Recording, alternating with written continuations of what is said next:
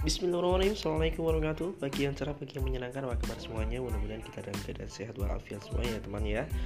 Oke di sini bersama Fai Ahmad Kembali lagi kita di postcat uh, Podcast maksud saya. Yang mana di sini nanti kita akan membahas hal yang berkenaan dengan uh, Bisnis Dan juga keluarga. Dan juga insya Allah kita akan membahas hal-hal yang berkenaan dengan pengembangan diri. Oke, okay, check.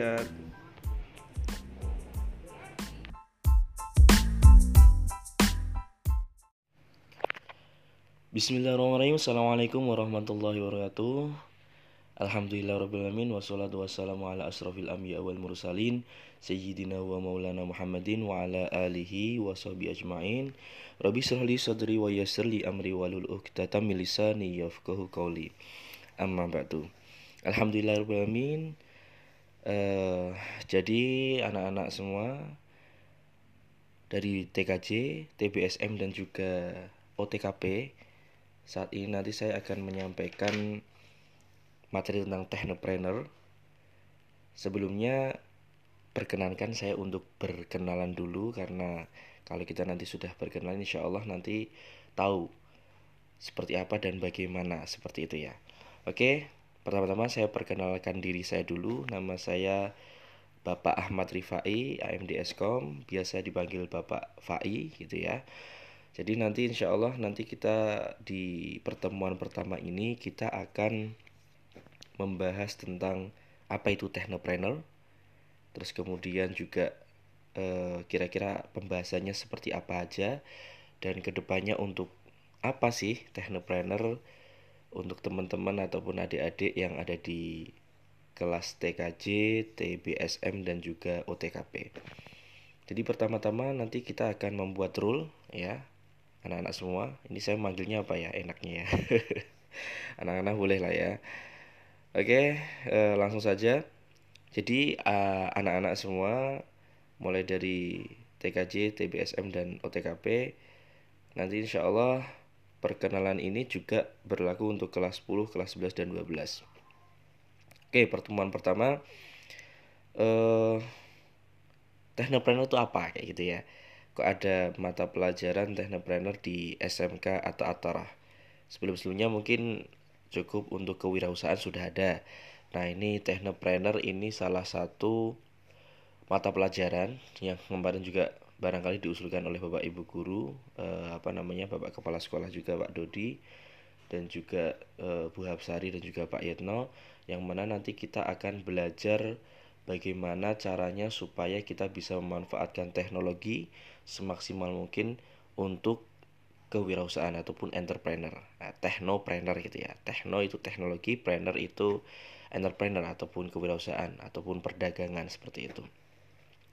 Oke anak-anak, jadi technopreneur itu bagaimana cara kita untuk memanfaatkan media yang saat ini baik itu smartphone ataupun media-media teknologi yang lain seperti komputer, terus kemudian juga e, saat ini sudah ada jaringan internet dan lain sebagainya yang mana kita bisa mengenalkan diri kita gitu ya, termasuk produk-produk kita, termasuk skill kita, termasuk apa pun yang e, kira-kira ingin kita kenalkan, ingin kita share gitu ya, ingin kita bagikan ke banyak orang, saat ini sudah ada medianya. Nah, pengelolaannya harusnya kita harus tahu nih bagaimana caranya. Karena kalau misalnya nggak ada ilmunya juga sama aja jadi insya Allah nanti kita akan membahas itu secara detail di pertemuan-pertemuan selanjutnya.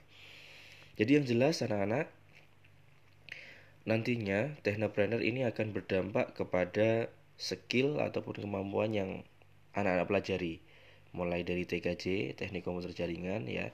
Bagaimana cara mengelola jaringan komputer, kemudian juga troubleshootnya, terus kemudian juga bagaimana supaya skill teman-teman adik-adik ini, ada anak semua ini bisa eh, apa namanya menghasilkan gitu, ya. Bisa juga menghasilkan uang, bisa juga eh, apa namanya mengenalkan ke orang-orang sehingga nanti kalau misalnya anak-anak yang ada di jurusan apa pun TKJ, TBSM ataupun di OTKP nantinya bisa bekerja di perusahaan ya gitu ya. Atau mungkin e, pengen mengembangkan startup sendiri gitu ya. Bisa bisa banget ya. Sehingga teknopreneur ini nanti diharapkan uh, mulai dari kelas 10 kelas 11 12 insya Allah juga memiliki dasar. Nah ini banyak juga nih yang kemarin tanya kayak gitu ya. Kan dulu saya pernah juga mengisi di beberapa seminar bagaimana sih cara uh, berjualan di internet. Nah ini nanti kita juga akan bahas. Bagaimana sih cara membuat tulisan supaya orang itu tertarik dengan kita kayak gitu dan bagaimana sih cara mengelola eh, jaringan internet ataupun eh, apa namanya sosial media supaya itu banyak orang yang akhirnya tertarik sama produk kita kayak gitu. Nah ini nanti akan berbicara seputar itu, seputar kewirausahaan tapi eh, dengan memanfaatkan media teknologi. Salah satunya adalah internet. Ini nanti akan berlaku ke semuanya, gak cuma di teknik komputer dan jaringan. Ada di TBSM di otomotif gitu ya ataupun di OTKP eh, yang berkenaan dengan akuntansi yang berkenaan dengan perkantoran dan lain sebagainya. Nanti akan sangat-sangat terkait. Oke jadi eh, setelah saya berkenalan gitu ya dengan anak-anak semua nanti juga ada link yang akan saya eh, sampaikan ke bapak ibu guru wali kelas. Silahkan nanti diklik kemudian diisi mulai dari nama, alamat, email, nomor WhatsApp, terus kemudian juga eh, apa namanya kelas berapa. Nah itu nanti diisi semua. Jadi data diri supaya nanti saya juga bisa mengenal lebih jauh. Yang jelas nanti ada beberapa materi yang akan saya sampaikan berkaitan dengan dengan technopreneur yaitu dengan apa namanya apa yang dinamakan goals ataupun impian bagaimana cara menuliskan impian terus kemudian juga ada beberapa hal yang terkait dengan mindset kemudian juga pola pikir kita, paradigma kita supaya kita itu benar-benar sukses gitu. Karena saya bertemu dengan orang-orang sukses dan alhamdulillah memang selain uh, saya sampaikan, saya sudah menerapkan sendiri. Jadi ini barangkali juga share pengalaman pribadi ke adik-adik semua, ke anak-anak semua supaya apa? Supaya nanti anak-anak bisa menerapkan di lingkungan masyarakat ataupun saat ini nih ini pondasi yang sangat bagus sebenarnya. Jadi masih kelas 10 masih kelas 11 kelas 12 nantinya saat ini kalau misalnya sudah bisa diterapkan dipraktekkan nanti kalau sudah mau beranjak ke kuliah ataupun mungkin langsung bekerja enak banget. Jadi eh, apa namanya step by stepnya ataupun langkah-langkahnya mudah banget. Oke? Yang selanjutnya adalah saya akan me membuat rule gitu ya ataupun kelas.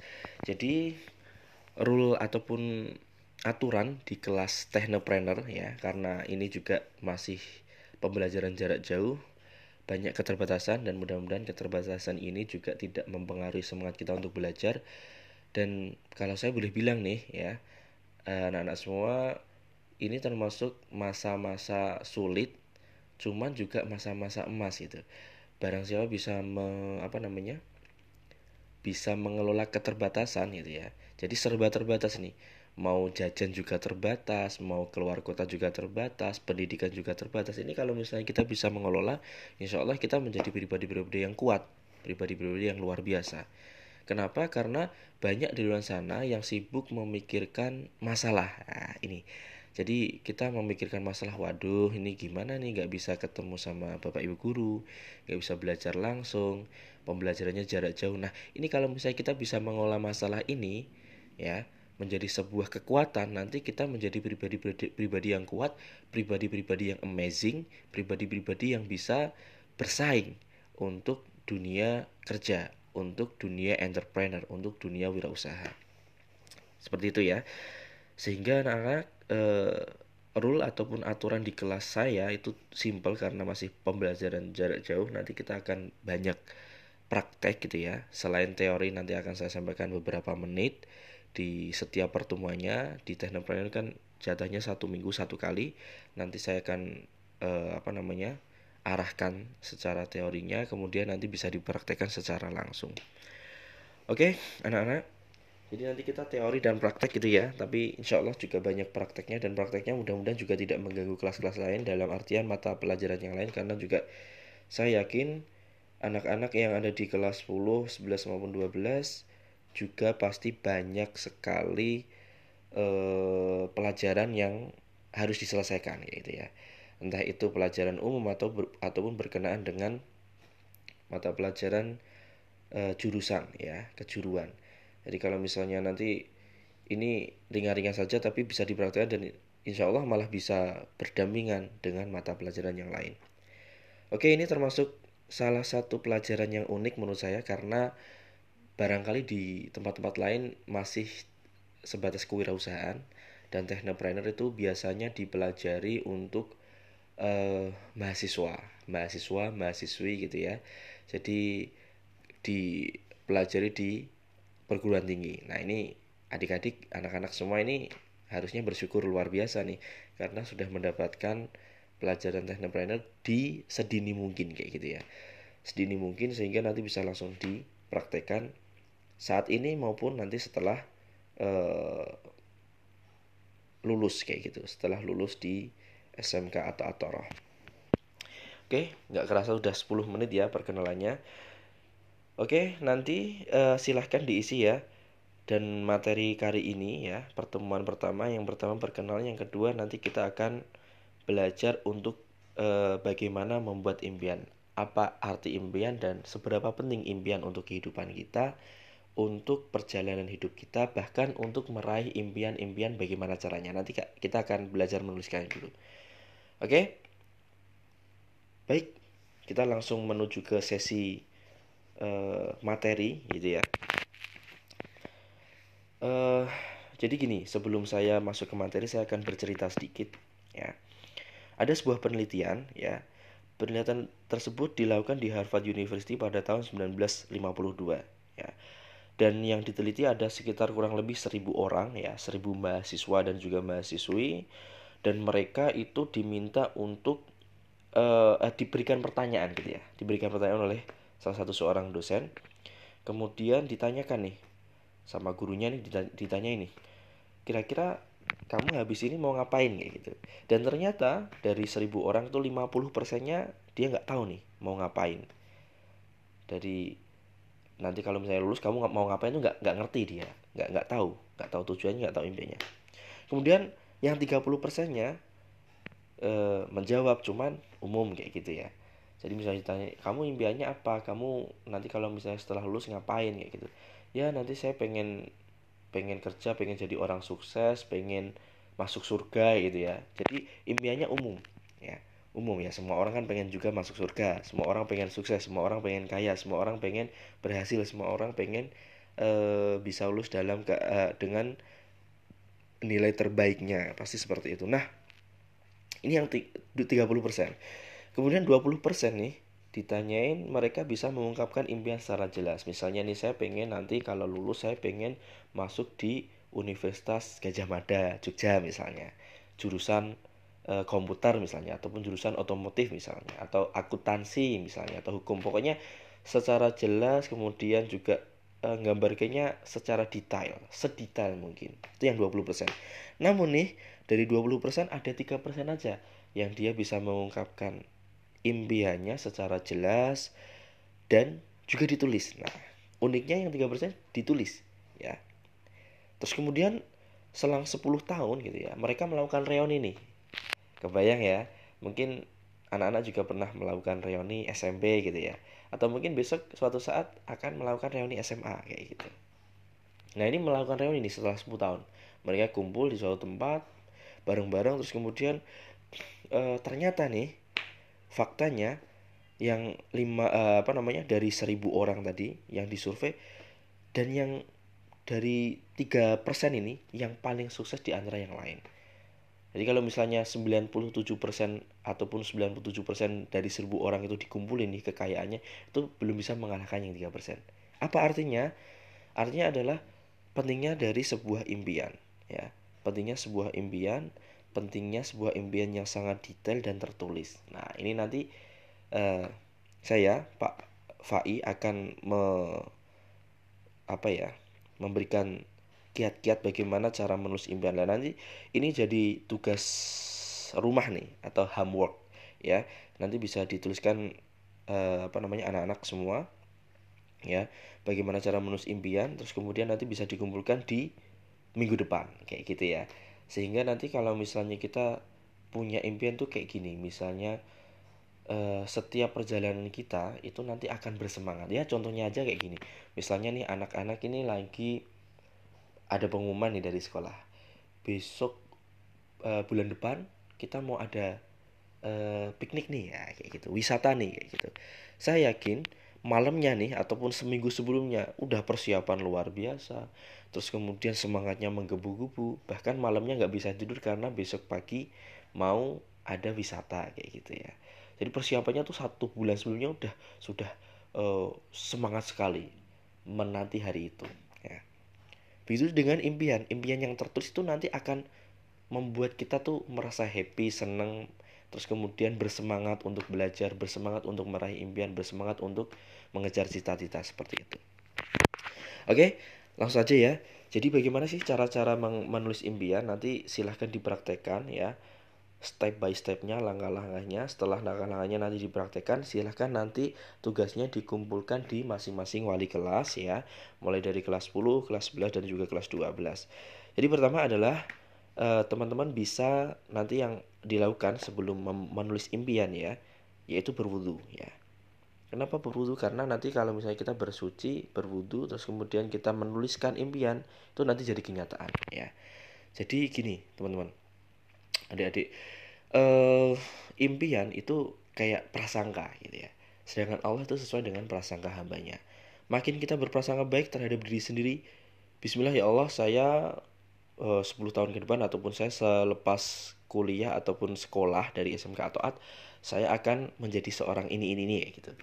Saya yakin ya Allah dengan rahmatmu dengan pertolonganmu dengan ridhomu saya akan bisa meraihnya gitu.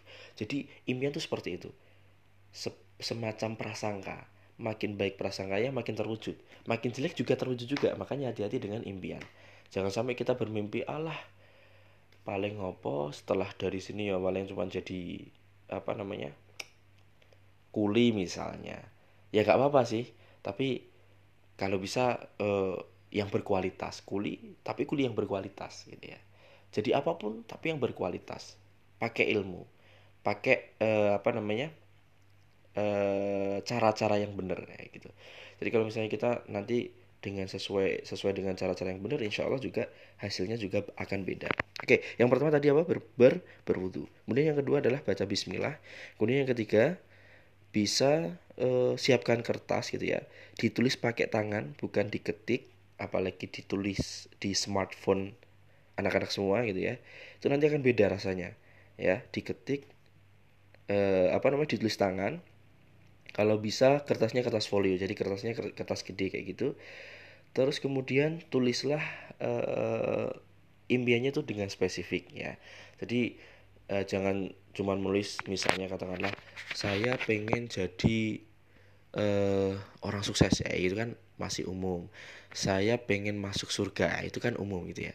Nah ini yang yang real gitu yang real. Misalnya saya pengen menjadi seorang programmer misalnya yang ada di wilayah ini gitu. ataupun saya pengen bekerja di Google misalnya. Banyak nih yang yang anak-anak muda itu bekerja di Google karena syaratnya mudah. Nggak nggak harus lulusan apa namanya sarjana gitu. Bisa bekerja di Google ataupun di perusahaan-perusahaan yang besar atau mungkin Facebook atau mungkin WhatsApp gitu ya. Atau mungkin di perusahaan-perusahaan teknologi ternama. Atau mungkin yang ada di eh, TBSM pengen bekerja di Astra gitu ya.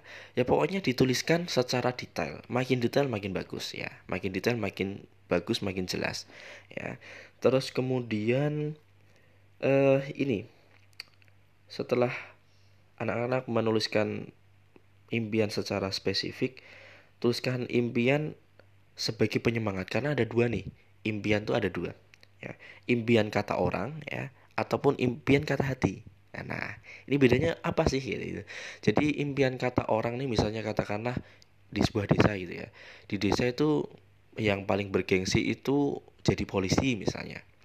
Wah, aku pokoknya setelah da da dari SMK atau AT saya pengen jadi polisi gitu.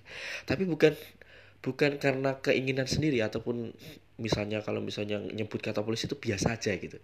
Karena apa? Lingkungan gitu. Ya biasanya ya tercapai misalnya tercapai pun ya susah sih tapi kalau misalnya impian itu dari hati beda bukan kata orang gitu saya pengen menjadi seorang pengusaha sukses kayak gitu pengusaha di bidang agrobisnis gitu ya misalnya Nah itu dari hati pokoknya kalau misalnya berkenaan dengan agrobisnis atau mungkin berkenaan dengan peternakan hewan ataupun tanaman dan sebagainya itu senang banget ya gitu. Senang banget membahas tentang hal itu senang kayak gitu. Nah itu ditulis yang seperti itu. Jadi bukan apa kata orang. Jadi ini nggak bisa dicontek kayak gitu ya. Jadi nanti masing-masing orang akan punya style, punya passion sendiri-sendiri, punya minat sendiri-sendiri sehingga nanti tidak bisa nyontek satu dengan yang lain. Jadi saya pengennya tuh apa ditulis saja ya uh, nanti kalau misalnya itu tulisan membuat hati bergetar nah itu itu insya Allah terjadi itu ya apalagi kalau nanti setelah ditulis diactionkan ya diwujudkan dengan perbuatan nanti insya Allah cepat banget terwujud ya kemudian yang terakhir adalah ditempelkan di tempat yang sering dilihat gitu ya. Tapi juga bukan di kamar mandi juga gitu ya. Jadi mentang-mentang uh, disuruh Pak Fai untuk nempelkan di tempat yang terlihat gitu ya. Ditempelkan di kamar mandi. Iya Pak kan soalnya kalau di kamar mandi kan saya sering ke kamar mandi. Kalau pas lagi BAB gitu ngelihat terus ya nggak gitu juga. Jadi di tempat-tempat yang sering terlihat misalnya di kamar atau di lemari yang misalnya kita pas uh, ganti baju uh, kelihatan lagi tuh nah, gitu. Pokoknya di di tempat-tempat yang kira-kira strategis yang sering dilihat. Tapi juga nggak harus di musola gitu ya. Misalnya kita punya ruangan kamar gitu untuk musola terus ditempelkan di depan pas kita sholat ngebaca itu nggak boleh juga gitu. Jangan seperti itu. Jadi ditempelkan di sampingnya nggak apa-apa. Misalnya nanti setelah berdoa kita membaca lagi nih impiannya. Dan insya Allah bisa terwujud. Oke ini sebenarnya masih banyak materi tapi karena sudah 20 menit lebih gitu ya nanti akan ada materi-materi selanjutnya di minggu-minggu berikutnya. Yang jelas hari ini cukup sekian ya untuk video perkenalan eh bukan video audio perkenalan di podcast gitu ya. Kemudian juga e, berkenaan dengan bagaimana cara menulis impian ya. Silahkan nanti segera ditulis nanti menjadi PR ya PR nanti dikumpulkan di minggu depan gitu ya nah nanti jangan lupa diisi data-datanya ya yang akan saya sertakan linknya link data untuk e, perkenalan anak-anak ke saya gitu karena saya belum kenal gitu belum pernah tatap muka juga Terus nanti insya Allah kita juga akan ngomongin tentang copywriting. Nah, copywriting itu apa? Copywriting itu teknik menulis di uh, sosial media ya supaya menarik supaya menjadi magnet rezeki. Oke siap. Mudah-mudahan ada manfaatnya. Uh, saya akhiri sekian. Saya uh, tutup dengan doa kafaratul majelis. Subhanakallahumma wa bihamdika asyhadu an la ilaha illa anta astaghfiruka wa atubu ilaik. Assalamualaikum warahmatullahi wabarakatuh.